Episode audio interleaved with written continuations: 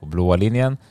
Eh, mina föräldrar är från eh, Eritrea i Östafrika. Jag har två yngre syskon, en, en syrra som är ja, fyra år yngre än mig, jag är själv 30. Eh, och sen min lillebror som är född eh, 99, sju år yngre än mig då. Men eh, även gift med, eh, med Gloria, eh, Abraha och vi fick som sagt vår, vår första son nu här sju månader sedan. Eh, så man är mitt uppe i eh, småbarnslivet samtidigt som man nu håller på att rodda med sin första valrörelse. Eh, så det, det, är många bollar i luften, men eh, man är tacksam och taggad inför vad som ska ske nu på söndag också. Just det, just det. Ja, vi ska komma in lite på politik och, och, och sådär. Men eh, du, eh, ja, men du följer Jesus liksom. Mm. Och vad, vad, vad hur, hur, hur blev du en kristen? Och hur, hur kommer det sig? Liksom? Jag är uppväxt i ett eh, traditionellt kristet hem. Eh, mina föräldrar är som sagt från Eritrea och har en eh, ortodox bakgrund. Men trots det så växte jag upp i en katolsk kyrka här inne i stan på Kungsträdgården. Eh, parallellt gick jag även i en engelsktalande kyrka. Men eh, det var inte förrän eh, 2016 som jag på riktigt liksom tog tag i min tro eh, och började följa Jesus. Eh, jag blev, jag blev frälst där i början på 2016 och eh, då förändrades i princip alltihop, eh, hela mitt liv liksom. Eh, det, det, det jag förr tyckte var kul och roligt och meningen med livet fick jag en avsmak för. Eh, liksom festandet och, och drickandet och allt det här. Eh, och det gick från en dag till en annan. och det var en resa som, som var ganska omvälvande. och att jag ens är politiker är en, är en del av den resan. Det har aldrig varit något jag har brunnit för direkt. Men, men Gud la det på mitt hjärta och Eh, Eh, jag tror att varje, Gud har en plan för, för var och en av oss. Eh, men det är först när vi börjar följa honom som vi kliver in på hans plan då, eh, och hans vilja kan ske för oss. Men eh, precis som du sa, jag, jag älskar Jesus och eh, går i Wow Church, även med där i församlingsledarskapet nu sedan 2018. och man är, man är tacksam för, för allt det Gud har gjort och det han fortsätter att göra. Och jag, jag brinner bara för att, för att hjälpa min nästa. Alltså för att en till person liksom ska, ska förstå hur älskade de är, hur värdefulla de är. Eh, mm. Så det, jag, det var jag och min fru liksom har, har gett våra liv till. Eh, att det vi har fått för intet bara, bara kunna ge vidare till andra människor. Just det. Hur, när, hur du, eh, när du liksom, när du sa att du gick från en dag till en annan, var det något mm. speciellt som hände då eller var det, var det att det, det bara liksom poletten trillade ner bara självmant eller alltså? Jo, det var, det var nyårsafton, 15 till 16. Eh, jag, var, jag var hemma hos min kusin sent på kvällen och eh, så här, jag, när, jag, när jag kom hem till min kusin så såg jag att det inte fanns någon alkohol på bordet, det var helt tomt och jag hade själv kommit ifrån mina vänner, var lite smått berusad. Eh, så bara den synen av att liksom min, min kusin och hans vänner inte drack eller gjorde någonting på nyårsafton liksom förvirrade mig lite grann. Senare mot kvällen så började han prata om hur han har mött Jesus och han hade ju också haft ett liksom tufft förflutet med eh, ja, men, liksom, eh, drogmissbruk och även eh, sålt droger och så, levde liksom, hade den livsstilen. Eh, men nu satt han här på soffan, liksom, hans ögon lyste på ett sätt jag aldrig sett tidigare. Eh, han började prata om att Gud älskar mig, Gud har en plan för mig. Eh, men det han sa som fick eh, mig att eh, börja fundera på livet var liksom Paulus, om jag dör idag så vet jag att jag hamnar i himlen. Och när han sa det var det som att det var en, hel, det var en lastbil mitt i mörkret som helljusade mig. För under hela min uppväxt så har ja, men liksom hans föräldrar och människor i hans närhet alltid bett liksom mig att ta hand om honom. Så, men snälla ha ett öga på honom, ha ett öga på din kusin. Liksom. Eh, men där och då så kunde jag inte med samma övertygelse i mitt inre säga Paulus, om jag dör idag så kommer jag också till himlen. Och, eh, och det på något sätt liksom väckte, en, eh, väckte någonting på insidan av mig. Eh, och de började fortsätta prata om Jesus och ja, började resonera om olika saker. Eh, och sen sov jag där den kvällen hos min kusin och när jag vaknade upp så bara gråter jag som ett litet barn. Och det är som att jag ser hela mitt liv framför mig. Alla de olika maskerna, jag brukar säga att det var ingen riktigt som, som kände mig. Utan när jag var med grabbarna hade jag en mask, när jag gick till kyrkan så var det en Paulus som gick dit, när, det var, när jag var med tjejer så var det en mask. Liksom. Beroende på vart man var så anpassade man sig. Eh, men, men, men trots det fick jag liksom, jag, jag, jag fick eh, något vi kallar för syndanöd, liksom. man kände sig som världens största syndare. Eh, och där och då så hände något i mitt hjärta. allt bara förvandlades. Och sen den dagen så, så förvandlades allt. Liksom, jag minns mina sociala medier gick ifrån liksom bara massa halvnakna bilder på mig, för jag brukade träna ganska mycket, för det var så jag fick min bekräftelse från både tjejer men även killar liksom, som undrade vad, vad som hade hänt och så, eller hur jag, hur jag lyckades träna upp men eh, allt det vändes liksom till, eh, till bara liksom massa bibelord och, eh, och Jesus, eh, liksom en kärleksdeklaration. Och folk trodde att mina föräldrar hade fått cancer, något liknande. För många förknippar med att okej, när, man, när, man, när man söker Gud kanske så är det något som hänt i en familj. Men rätt utåt sett så gick det ganska bra för mig. Jag hade liksom nyss tagit min examen, fått fast anställning på Skatteverket och så. Men, men på insidan så, så var det bara tomhet som Ja. Jesus fyllde. Wow, vad coolt. Vi vill höra mer. Vi ska lyssna på Goliath med Smith Tell. Så är vi strax tillbaka.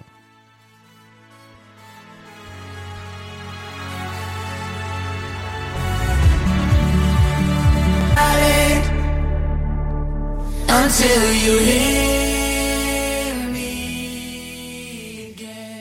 Klockan är 07, är den inte, förlåt, 08, 21 denna tisdag morgon och vi har Paulus Abraha från KD eh, med oss i studion och eh, om du missade precis eh, Paulus eh, eh, liksom ja, men story om hur han blev en kristen så gå in och lyssna på eh, Spotify. Vi kommer lägga ut intervjun där. Du kan lyssna lite på det. I, men alltså okej, så du då bara för de som inte har hört din story här nu. Du, ändå så här, du är uppvuxen i kyrkan lite grann, i, lite religiöst om jag förstår dig. Mm. Gick till katolska kyrkan. Katolska kyrkan, ja. Ja. Så du hade en tro någonstans liksom in the, i bakhuvudet eller i hjärtat. Jo, men sen jag var liten har jag Ja. alltid trott på Gud. Ja. Eh, och eh, det har, kyrkan alltid varit en plats där jag liksom kunnat eh, finna någon form av frid eller så. Ja. Men eh, det jag brukar säga till människor är att trots liksom min tro, hade man haft en kamera på mig under alla dessa år eh, fram tills ja, men jag, jag liksom började följa på riktigt så hade man inte kunnat se ifall jag var kristen, muslim, ateist, buddhist förutom Ja, att jag kanske någon gång på söndagarna gick till kyrkan. Liksom. Ja. Eh, eh, jag, eh, jag var inte en lärjunge, liksom, som att jag följde Jesus utan det var mest att jag gick till han vid behov. Just det, just det. Ja. Jag, har, jag har en predikan som jag, som jag brukar, eh, ibland predikar när jag är ute och, och predikar så här, som heter Är du en kristen ateist? Ja, det låter intressant. Är du en kristen ateist? Alltså, tror du på Gud Mm. men agerar du som att han inte finns? Ja, just det. Exakt. Det var lite grann så som... Och det är lite så som, ibland är så, eh, många kristna kan ju vara så att man, Mm. man tror på Gud men man Mm. följer inte Gud liksom. Eller man, man agerar som att han inte finns. Exakt. Det, Och, det, och jag tror att det har med att man inte har lärt känna honom på djupet. ja. För det, det, det är precis som, eh, som, som i ett äktenskap. Alltså, du behöver ha en ständig, eh, en daglig kommunikation med din, med din respektive för att komma den personen närmare. Jag menar, hade jag vaknat upp på morgonen och min fru vaknar upp och säger hej, god morgon älskling och jag är helt tyst liksom och äter min gröt och hon bara, men hallå, liksom så här, har du sovit bra? Fortfarande tyst, liksom, gör min grej, går ut, kommer hem från jobbet och inte liksom pratar med henne Just det. Då är det ganska självklart att vår relation inte kommer kunna bevaras. Utan att man liksom dras isär sakta men säkert. Och det, det är så jag tror många lever, så, så, så kan många leva i sin relation med Gud. Att Mm. man, man, man glömmer att, liksom, att han också vill samtala med en varje dag. Ja, Att han liksom har, har kärlek för en. Men precis. för varje dag som man, som man inte liksom säger hej till Gud eller berättar hur man mår så blir det att, man, att vi människor tar ett steg liksom ifrån honom omedvetet. Mm. Men det underbara är att han alltid finns där. Ja. En bön bort liksom. Det, That's right. ja. Vi förtjänar inte det, men han, hans kärlek är ny varje morgon. Yes. Vad händer, vad händer inom dig då när, när liksom du börjar följa Jesus? Vad, vad skulle du säga är det stora som hände inom dig? Alltså, det stora var ju alltså, att meningen med livet. Alltså, jag, jag, jag fick ett, ett syfte. Och det, det, det, liksom det främsta syftet var att älska Gud och älska människor. Jag fick en övernaturlig kärlek för människor jag inte kände. Jag fick en övernaturlig kärlek för killarna som hängde i centrum och sålde knark. Liksom det här var personer som, visst jag har vuxit upp med dem och så, man brukade bara vinka liksom, till dem i centrum. Det var ingenting man, man gick till. Men, men, men när jag mötte Jesus så förstod jag att Gud älskar dem lika mycket som han älskar mig. Gud har en plan för dem precis som han har för mig. Jag började hänga med dem liksom efter jobbet, eh, ibland kanske lite för mycket i garagen och jag minns när jag, själv, när jag kom ut efter att liksom varit med dem och berättat om Gud för dem kunde man själv vara lite snurrig efter all liksom, marijuana-lukt som, som fanns i luften. Liksom. Eh, men man fick en kärlek för människor och det var som att man, man, man såg inte träd utan jag såg liksom hjärtan vart jag än gick. Eh, och eh, du, du, du förstod också att livet har ett högre syfte. Det handlar inte bara om att jaga pengar och liksom ha en examen och allt ska se bra ut, utan allting börjar på insidan. Liksom, när vi mår bra på insidan, då kan vi må bra utåt. Och man förstod också att människor även bär på en ryggsäck. För när jag mötte Jesus så, vis, så pekade han ju på mig, Paulus. Paulus, du har massa ryggsäckar här. Du har liksom saker och ting du har gått igenom. Du har sår i ditt, liksom i ditt inre som gör att du är på ett visst sätt. Och man förstod att okej, men om en kollega är lite irriterad eller om det är någon som har brist på tålamod så är det att de här personerna bär på någonting. Eh, och man, Gud hjälper en att se det bästa i varje person. Ja. Wow, coolt alltså. Ja. Ja, det kan alla få uppleva. Mm.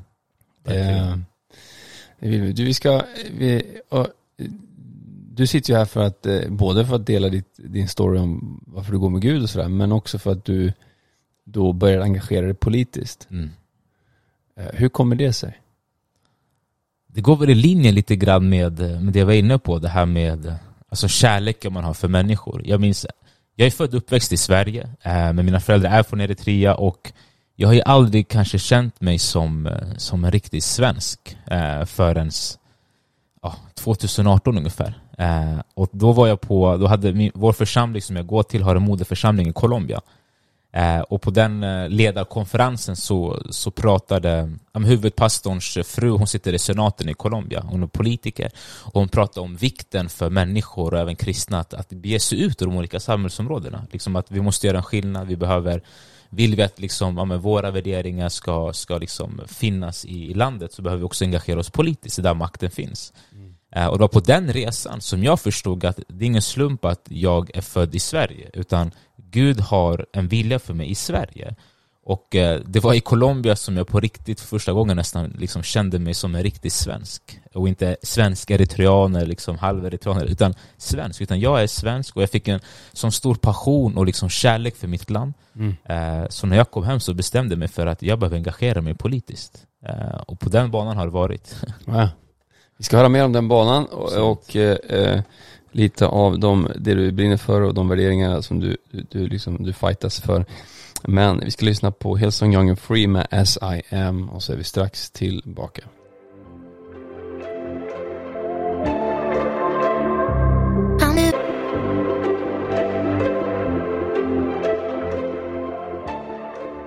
As I am med Young and Free, klockan är halv nio och vi har Paulus Abraham i studion.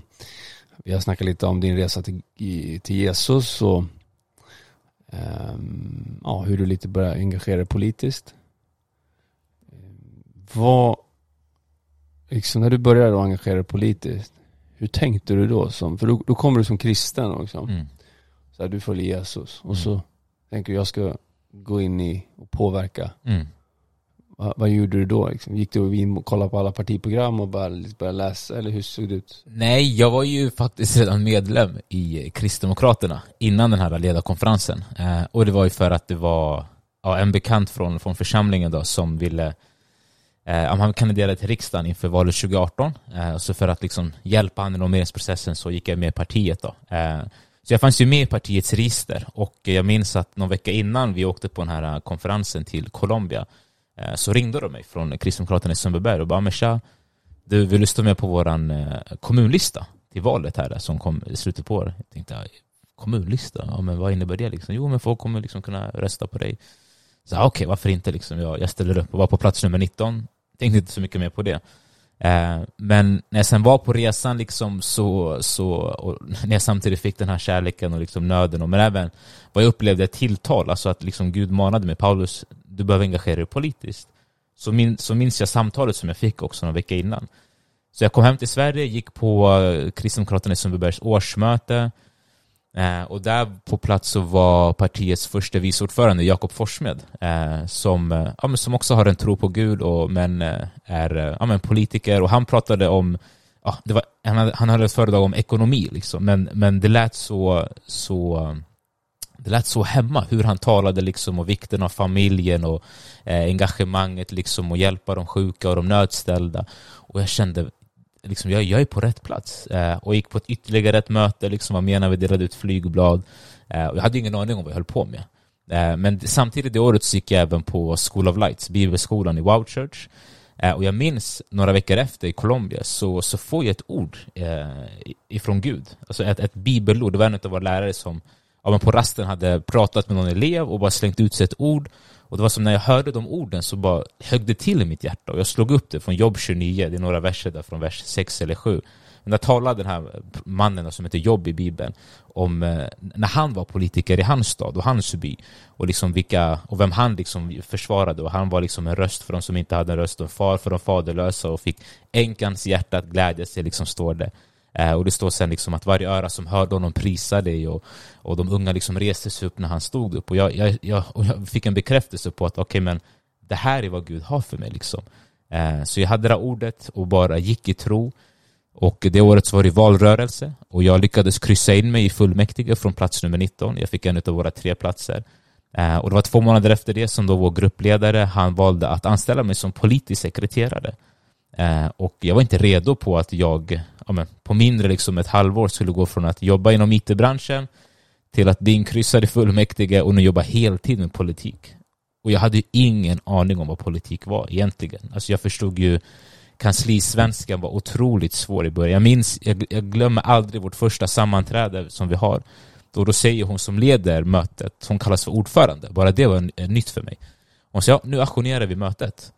Och jag ser hur alla reser sig upp från deras liksom, bänkar, stolar och liksom går upp, några går på toa, några går till fikarummet. Och jag vänder mig mot eh, mina kollegor, Marcus och Maria, och frågar vad är det som händer? Och jo, men nu har vi paus i 15 minuter. Så jag bara, ha, varför sa hon inte bara att vi har paus? Vad, ajournera, liksom, vad, vad innebär det? Uh, och, men det är knappt så att jag vet det, så det, du... Ja, jo, och det, det, men det, så det var en tröskel. Sen skulle jag vara den enda personen som jobbade heltid för KD Sundbyberg som sekreterare då. Uh, så det var, det, var, det, var, det var en stor förmån att få jobba uh, och jag jobbar också i den kommunen där jag har bott och levt hela mitt liv. Ja, det. Eh, så det var, det var så mäktigt också att få en insyn i hur saker och ting liksom hanteras, hur som styrs och vilka det är som tar besluten också, att det är kommunpolitiker, hur mycket ja. makt de faktiskt har. Ja. Eh, men största skillnaden var ju också, jag insåg nu, att människor inte bara såg på mig som Paulus, utan som politikern, som kristdemokraten. Och jag fick stå till svars för allt mitt parti gjorde. Om det var någon liksom i Lappland som sa någonting, eller om Ebba Busch sa någonting, liksom, då, då kom ju folk till mig. Så här, ja varför säger de så här liksom? Så det var, nej men det var, det var, det var, en, det var en kul resa, kul start på resan liksom. Just det. Eh, Okej, okay. och, nu, och, så, och, och, nu så står du då på listan, inte bara till, till kommunfullmäktige då, utan nu, nu ska du in i riksdagen också. Exakt, jag har fått eh, plats nummer 21 på riksdagslistan eh, och eh, blev även för ett år sedan då gruppledare och eh, kommunalråd för, för partiet i Sundbyberg. Mm. Så första namnet är Sundbyberg och på plats nummer 21 för dig som bor i Stockholms län ifall du vill kryssa in mig. Yeah. Så eftersom att jag står inte på en valbar plats utan lite längre ner. Men det är ändå ett förtroende från, från partiet här i Stockholm att jag ändå får liksom ja, vara på plats nummer 21. Det var inget jag förväntade mig eller så. Och det är klart att man, man ändå vill sitta i Sveriges riksdag. Det är ändå det är ändå där de, de kanske viktiga besluten fattas som påverkar hela vårt land, hela vår nation, lagstiftning. Tänk att få vara en av de 349 personerna i Sverige som stiftar lagar. Men det är, det är ingen det är liten grej. Det, det, det, är stort och ibland så, så glömmer jag själv liksom vad, vad det innebär att stå på den här listan. Mm. Så nej, men jag, jag, liksom, jag, jag har många vänner runt omkring mig liksom i, i Stockholm, utanför Stockholm som liksom uppmuntrar mig och pushar mig. Liksom, och, så jag är ju jag vill först och främst göra ett kanonval i Sundbyberg eftersom det är första namnet och jag tror att vi kan, liksom, jag, jag drömmer stort. Vi har 15% i Sumpan, vi fick 5% senast. Sen försöker jag mitt bästa genom att stötta partiet genom att också bedriva en personvalskampanj för riksdagen. Eh, så får vi se. Men du, jag vill höra lite grann vad du, vad du brinner för. Vi ska göra det ja, efter en, en, låt här så ska vi höra lite på vad, vad är det som är dina hjärtefrågor och vad brinner du för? Eh, här kommer Growing Pains med Elevation Rhythm. I cannot control in my life. Why do I take it to the Lord and pray? Det var What a friend we have in Jesus med Shane and Shane och eh, vi har Paulus Abraham med oss i studion eh, från Kristdemokraterna. Eh, vi har snackat lite om hur du kom till tro och sådär och eh, lite om hur du kom in i politiken och nu undrar jag då, vad är det liksom du brinner för Ehm, vad är dina hjärtefrågor ehm, i politiken? Mina hjärtefrågor kan sammanfattas med ordet familj. Jag brukar säga att jag, eller, så jag är kristdemokrat för att vi tror på att familjen är den viktigaste gemenskapen. Eh, det är, alltså, har vi välfungerande familjer så kommer vi ha ett välfungerande samhälle. Och det är för att alla människor, det vi har gemensamt är att vi, någonstans, vi kommer från en familj, vi tillhör en familj. Och eh, kan, vi, kan vi stötta familjer, kan vi stötta föräldrar i deras föräldraskap, ja, då har vi löst många av våra samhällsproblem. Allt från psykisk ohälsa, gängkriminalitet. Eh, och jag tror att man behöver, man behöver föra en politik i Sverige som förstår vikten av familjens betydelse. Eh, och och, och liksom det tar mig även in på gängkriminaliteten. Och det är ju, liksom, jag har inte varit gängkriminell, men jag bor ju, eller kommer från ett så kallat utsatt område här i, i Stockholm som heter Hallonbergen. Då. Och där kan man ju se hur, ja, idag är det fler och fler liksom som, som lever den, den kriminella livsstilen. Och jag tror att vi någonstans behöver inse alltså hur viktigt det är att jobba med föräldrar och deras närvaro. Eh, för att många partier talar om att allt börjar i skolan. Eh, det gör ju många liksom på vänsterkanten, även på högkanten. Men Kristdemokraterna talar om att allting börjar i hemmet. Det är där barn får sina värderingar, uppväxtvillkor, alltså där får de liksom, eh, den här kravlösa kärleken, men där man sätter även gränser för och lär sig vad som är rätt och vad som är fel. Att lära sig att respektera äldre, liksom, att, att respektera lärare och liksom andra överheter som finns i, i, i landet. Då. Eh, så, vi, så Kristdemokraterna pratar mycket om att vi behöver erbjuda familjerådgivning eh, till barnfamiljer, även föräldrastödsprogram. Och det här ska inte bara ges som det gör idag till familjer som redan har det tufft, utan liksom i, i, i förebyggande syfte också att man stärker föräldrar. Det ska inte finnas en tabu av att man har kontakt liksom med, med något stödprogram, utan det här, det här är något vi tycker ska vara självklart. Eh, och jag resonerar lite grann kring att vi måste också förstå att eh, Sverige är ett annorlunda land idag. Alltså var femte person som bor i Sverige är född utomlands, alltså är, är invandrare. Och jag själv är andra generationens invandrare och var fjärde person, alltså 25 procent av alla som bor i Sverige, antingen invandrare eller andra generationens invandrare. Mm. Och då innebär det att om vi har personer som kommer ifrån ja, men, hela världen som bor i ett och samma land, då måste vi se till att människor får tag i de gemensamma värderingar som har byggt upp vårt land och som behöver bevaras för att vi ska kunna vara enade. För att mitt mål som politiker är inte att skapa splittring, utan jag vill se ett enat Sverige. Det spelar ingen roll om du är rik eller fattig, om du är svart eller vit, om du är socialdemokrat eller moderat. Vi ska vara enade, vi ska respektera varandra. Men idag finns det så många politiker som som, som för sin politik utifrån att splittra. Att säga till vissa grupper att vet du vad, det är inte ditt fel att du är kriminell, utan det är socioekonomiska faktorer. Det är för att du är svart, det är för att du bor i de här områdena. Men jag är övertygad om att visst kan, kan, det, kan det spela en roll, men i Sverige är det som att man nästan eh, det är nästan liksom som att man förutspår att okay, bara för att man bor i vissa områden så kommer man bli kriminell. Det är som, man, man ger inte människor en värdig chans. Men vi som bor i områdena vet ju att det är inte en majoritet som är det, utan det är en minoritet. Och då, och, och då måste man liksom, det måste också finnas konsekvenser för att vara kriminell i Sverige. Mm. Och det är det det inte har varit. Det är därför vi ser idag hur, hur liksom allt yngre män, pojkar, används för att begå mord, för att begå brott. Och det är för att kriminella är ju smarta det här är inte personer som sitter i centrum och bara vad ska vi göra idag? Utan de här är ju organiserade. Har, liksom förstår ju hur juridiken fungerar, lag och ordning och liksom okej okay, men om en 15-åring begår ett, ett mord till exempel, ja, då, då kommer han ut kanske om två och ett halvt år.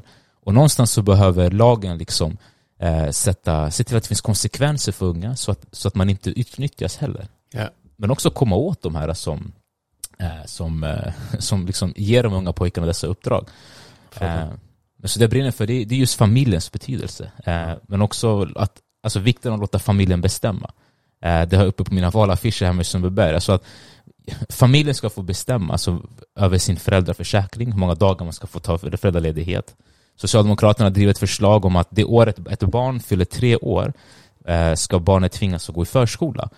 Och visst, det är inte så att majoriteten, jag tror över 90 procent av alla barn i den åldern går i förskola. Men det här handlar om en principiell fråga. Alltså, ska, är vem vet bäst för sitt barn? Är det föräldrarna? Är det jag och min fru som vet vad, vad som är bäst för vår son? Eller ska det vara liksom, politiker eh, som bestämmer över liksom, familjens vardag? Eh, familjen ska också få kunna välja rätt, alltså, vilken grundskola de vill sätta sina barn på. Nu bedrivs det en häxjakt på konfessionella skolor, eh, på, på friskolor, vinstdrivande friskolor. Och jag menar, någonstans så, så måste man förstå att valfriheten är alltså det, det gynnar människan. Eh, jag, jag, brukar, jag pratade någon vecka sedan med en vänsterpartist för en valstuga och vi pratade om eh, vinstdrivande bolag inom omsorgen. Och han sa liksom, ja men det är katastrof och det ena och det andra. Och då sa jag, hur kan du säga att det är katastrof? Jag bara, när alliansregeringen införde det här, bland annat hemtjänsten, LOV, jag bara, hur, det var otroligt många invandrarkvinnor som startade eget. Som jobbade som undersköterskor, som startade eget. Eh, och, liksom, och, man, och, det är första gången de kanske har förmågan att liksom starta ett eget bolag inom, inom något som är nischat. Men jag gav henne ett exempel av att min frus eh, farfar, han gick bort några år sedan, men han bodde innan han gick bort i ett, eh, i ett äldreboende ute i Akalla eh, som hade en, en nischad profil. Han är, från, han är syrian och han kom hit när han var äldre och han har inte det behovet av att kanske lära sig det svenska språket på samma sätt som någon som kanske är yngre. Eh, och på hans, han bodde på ett boende där man hade om enbart liksom persisktalande personal eller arabiska eller liksom syrianska, dessa mellanösternländer. Och jag menar, han, det, här, det här är ingenting som kommunen, kommunen kan erbjuda. Så valfriheten gör ju också möjligt att anpassa eh, alltså behovet för hur också, eh, för varje människa och varje individ, men också att respektera att Sverige är annorlunda idag. Har vi tagit, liksom, är det så många personer med utländsk bakgrund som du är här, okay, då måste vi också se till att de kan få en anpassad vård. Alltså kommunen och staten kan inte lösa allt. Eh, valfrihet är otroligt viktig. Eh, det är även därför jag, jag brinner även nu. Liksom, nu är det mycket diskussioner som förs även om eh, yttrandefrihet och liksom religionsfrihet. Och, och det här är värderingar som vi kanske har tagit för givet. Men som nu liksom verkligen sätts på prov. Yeah. Och jag menar som, som kristen så, så vill jag kunna, alltså det ska, det ska finnas en religionsfrihet i vårt land. Du ska kunna få tro på Jesus, du ska kunna få tro på Allah, du ska kunna få tro på solgud, du ska kunna få tro på vad du vill och kunna respekteras för det du tror på. Eh, vi kan inte ha lagstiftare som tror att eh, men, kristna skolor till exempel är eh, liksom livsfarligt för barn. Jag menar någonstans måste vi komma Alltså måste vi inse att det är ändå de kristna värderingarna, de judiska och kristna värderingarna som har byggt upp vårt land och vår nation. Och för er som inte vet, riksdagens liksom, adress, eller den platsen den är på, heter den Helges Andesholmen. Alltså den helige Andes hus. Mm. Och innan man liksom fick börja gräva liksom, riksdagen på 1800-talet, när man skulle börja bygga det, då var man tvungen att vänta på biskopen för att välsigna marken. Mm. Innan liksom första spadtaget skulle tas. Yeah. Eh, och jag menar, någonstans så måste vi förstå att det är de här värderingarna som har byggt upp vårt land. Och de behöver bevaras. Yeah. För annars så kommer vi, vi kommer komma i en riktning där ja, vi går mot mer auktoritärt samhälle där vissa värderingar inte accepteras. Och jag tror varken att eh, du, eller, du som lyssnar på det här eller, eller jag eller Josef liksom vill det. Och eh, nej men det är, ja nu kommer jag bort lite grann från ursprungsfrågan här men det är mycket man brinner för som politiker. Ja men det är bra alltså, jättebra. Och det, eh, det, det är, ja, men det är kul att höra och eh, det är ju värderingar som bygger politik liksom. Så är det. Och då är frågan så här, vad, är det som, vad, vad får man sina värderingar ifrån? Mm.